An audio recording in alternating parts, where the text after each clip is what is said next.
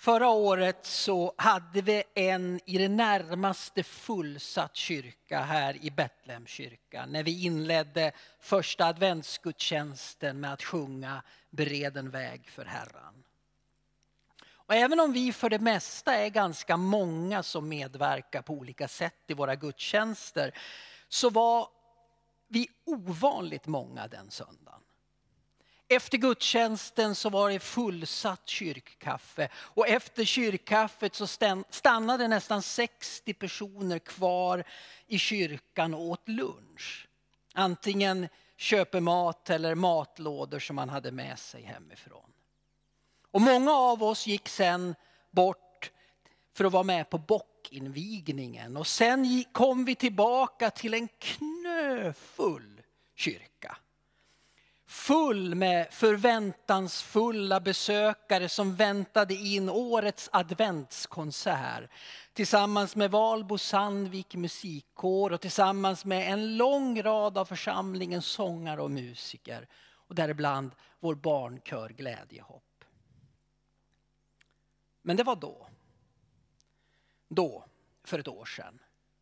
Nu är nu. Och jag står här och spelar in detta i en princip helt tom kyrka. Sju stycken är vi på plats här nu. Då var då och nu är nu. Och det är lätt att fastna i sorgen och nostalgin i hur det brukar vara. Men oavsett omständigheter så vill jag idag påminna mig själv och er som lyssnar om att den första söndagen i advent det är en söndag som gjord för lovprisning av vår Gud. I dagens texter så står lovprisningen i centrum. Hosianna, Davids son. I dagens saltarsalm så talar David om Guds storhet och han kallar Gud för ärans konung. Den 11 oktober så var det tacksägelsedagen. Och I den predikan så talade jag bland annat om hur Gamla testamentet gör en skillnad mellan lovprisning och tacksägelse. Tacksägelsen som utgår ifrån vad Gud har gjort för sitt folk. Gud gjorde någonting för mig, han svarade på min bön, tack Gud. Medan lovprisningen utgår från Guds storhet. Gud är Gud. Och du är stor. Jag citerade också den gudstjänsten katolska kyrkans katekes som beskriver lovprisning så här.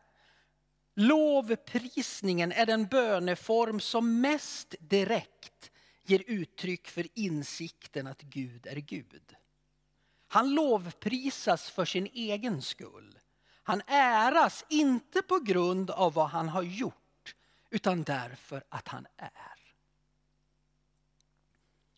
Men vem är Gud? Och den frågan blir ju högst aktuell på första advent. Ja, vår bekännelse är att Gud visar sig för oss människor genom Jesus. Att han föddes som en liten pojke i ett stall i Betlehem. Att Gud inkarnerades som en människa och det är den här ankomsten som vi räknar ner emot. Men den i Jesus är ju inte alltid så enkel att få grepp om. I evangelierna ser vi att han inte motsvarar förväntningarna hos den Hosianna-ropande folkmassan som ju snart vänder sig emot honom. Ja, Jesus är svår att få grepp om. Jesus hyllas som en kung men han rider på en åsna. Han ses som folket, han ses av folket som en profet.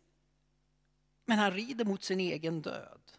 Ja, folkmassan de visste inte riktigt vad de skulle tro. Vem tror du att Jesus är? Den första söndagen i advent den gestaltar år efter år för den kristna kyrkan att Gud kommer till oss fattig, ödmjuk, redo att ge sitt liv. Och Jesus kommer till oss med ett erbjudande om ett rike av ett annorlunda slag. Ett rike där alla får plats. Fattiga som rika, friska som sjuka, och de som lever i fullt blomstrande gemenskap eller är pandemiisolerade. För Guds rike begränsas inte av omständigheter. Som församling kan vi fortfarande vara församling trots att vi inte kan fira gudstjänst tillsammans. Eller sjunga lovsång tillsammans. Eller fika kyrkfika tillsammans. Eller gå och se på bockinvigning tillsammans. Men vi kan fortfarande göra det som är en församlings viktigaste uppgift. Be. Be för vår värld. Det kan vi göra tillsammans där vi var och en befinner sig.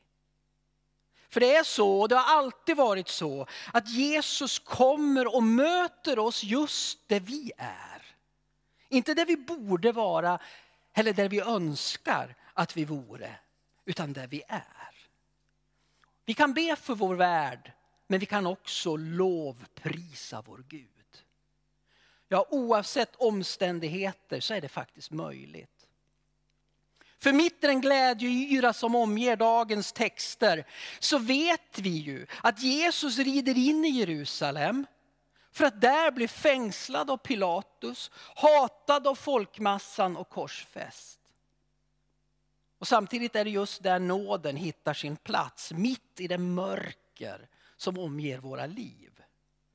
Det är mitt i hopplösheten som förhärligandet och upphöjandet växer.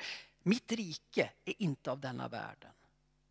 Guds rike, Guds frälsning kan inte besegras av världens hot och smärta.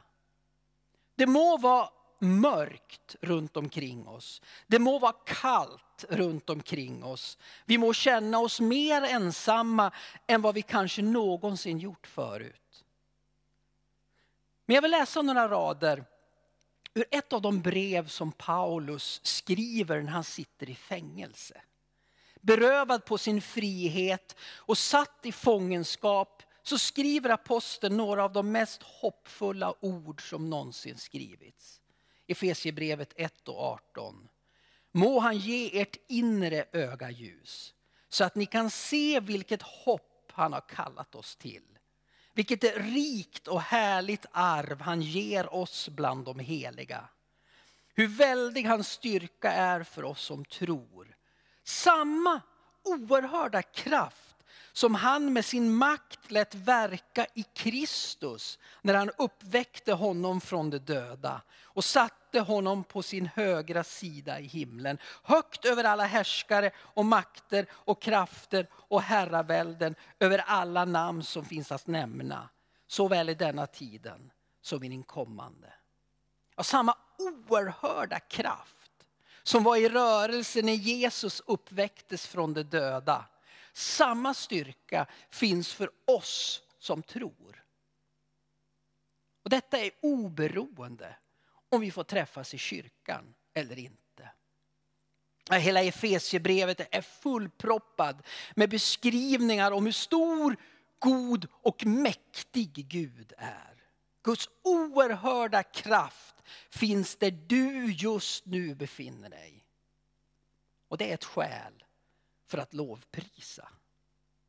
Och Paulus skriver om Guds obeskrivligt stora kärlek och vilken fantastisk framtid som väntar alla som håller ut. Och allt detta började med att Gud kom till världen som en liten bebis. Inkarnerad människa, född och placerad i ett stall. Ja, adventstid och juletid är på inget sätt inställt. Bara väldigt, väldigt annorlunda det här året. Och kanske känner vi oss instängda som Paulus, men vi kan få ta del av samma budskap som gav honom hopp. Vi kommer att fira Jesu födelse oavsett hur det ser ut.